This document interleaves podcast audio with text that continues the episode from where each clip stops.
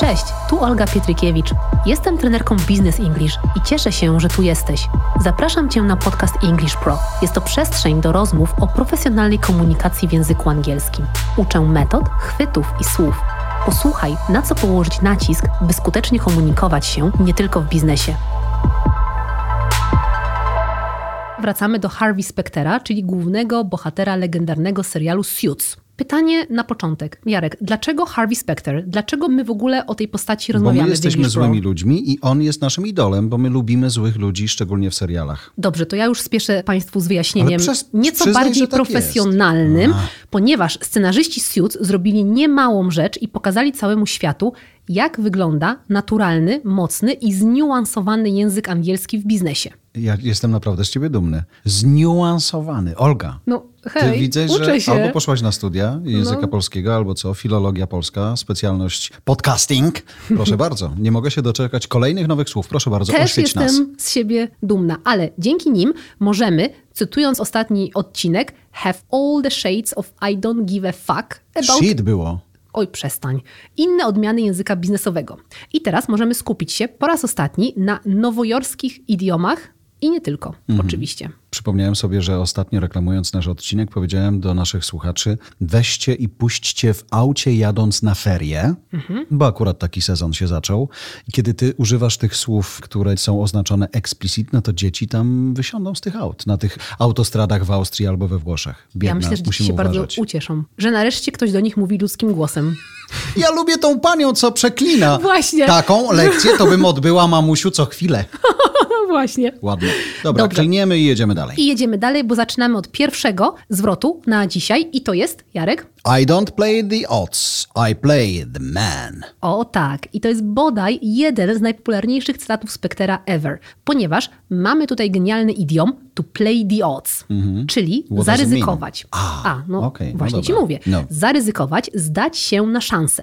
I wtedy zamiast take a risk albo take chances, to mamy właśnie idiom z pilotu Suits, czyli I don't play the odds. No muszę cię ukarać. Pilota. Tak? No, a nie pilotu.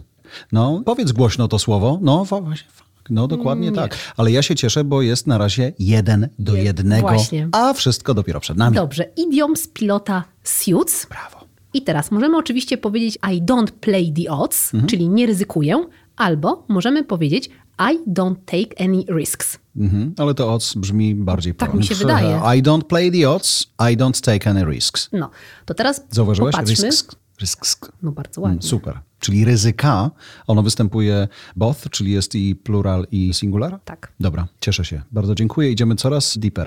Mm. No więc idąc deeper, to popatrzmy teraz jak to może funkcjonować w zdaniu biznesowym. Jarek, teraz skup się i powtarzaj za mną. Spróbuję choć raz, uwaga.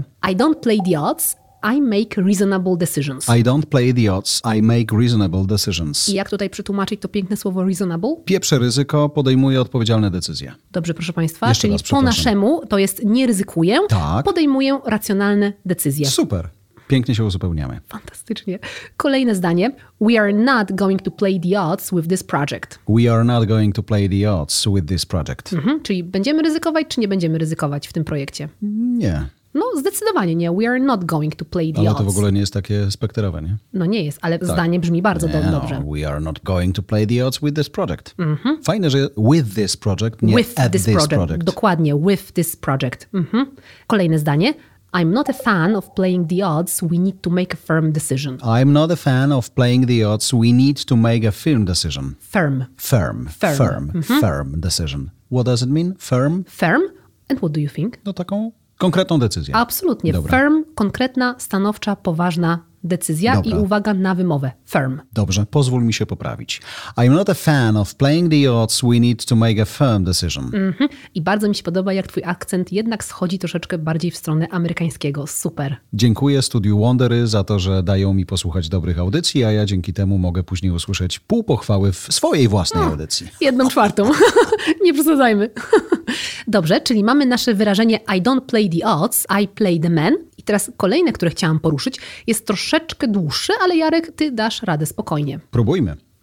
Have goals so big you get uncomfortable telling small-minded people. O, oczywiście, have goals so big you get uncomfortable telling small-minded people. I teraz, w tym cytacie nie byłoby nic nadzwyczajnego, bo przecież takie słowa jak goals czy uncomfortable są oczywiście na porządku dziennym w biznesie, ale proszę zwrócić uwagę na wyrażenie small-minded people. I to jest właśnie ten nowojorski sznyt, ten taki czysty, casualowy język biznesowy zawarty w jednej frazie. No bo Harvey nie powie nam stupid people. O nie, to by było zbyt oczywiste. Harvey powie small-minded people. I to praktycznie oznacza dokładnie to samo. Nie mówimy stupid people, w ogóle staramy się odchodzić od tego przymiotnika stupid na rzecz właśnie takiego wyrażenia jak small-minded people. A to takie cyniczne troszeczkę, prawda? Masz mały mózg i wtedy nie mówisz komuś jesteś głupi, tylko masz mały mózg. Nie wiem przy czym bym się bardziej obraził. Well, diplomatic English. Harvey is not a diplomatic man. Okay, have goals so big you get uncomfortable telling small-minded people. Oczywiście. I teraz popatrzmy na takie fajne, krótkie przykłady. W firmie możemy powiedzieć: We do not hire small-minded people. We do not hire small-minded people. Oczywiście. Ale Albo- No, wiesz, small-minded no brzmi już tak troszeczkę, to brzmi mniej nie no, boleśnie. Mhm. Tak. brzmi troszeczkę mniej offensive niż stupid. To musisz przyznać. Że we don't hire small-minded people, but let's check at the other side of the street. Na przykład. Kolejne dobre zdanie to jest I dislike cooperating with small-minded people. I dislike operating with small-minded people. And this is true, Yeah, probably. this is true. Mhm. Dlatego siedzimy razem w tym studiu. Okay. Ja aspiruję wciąż.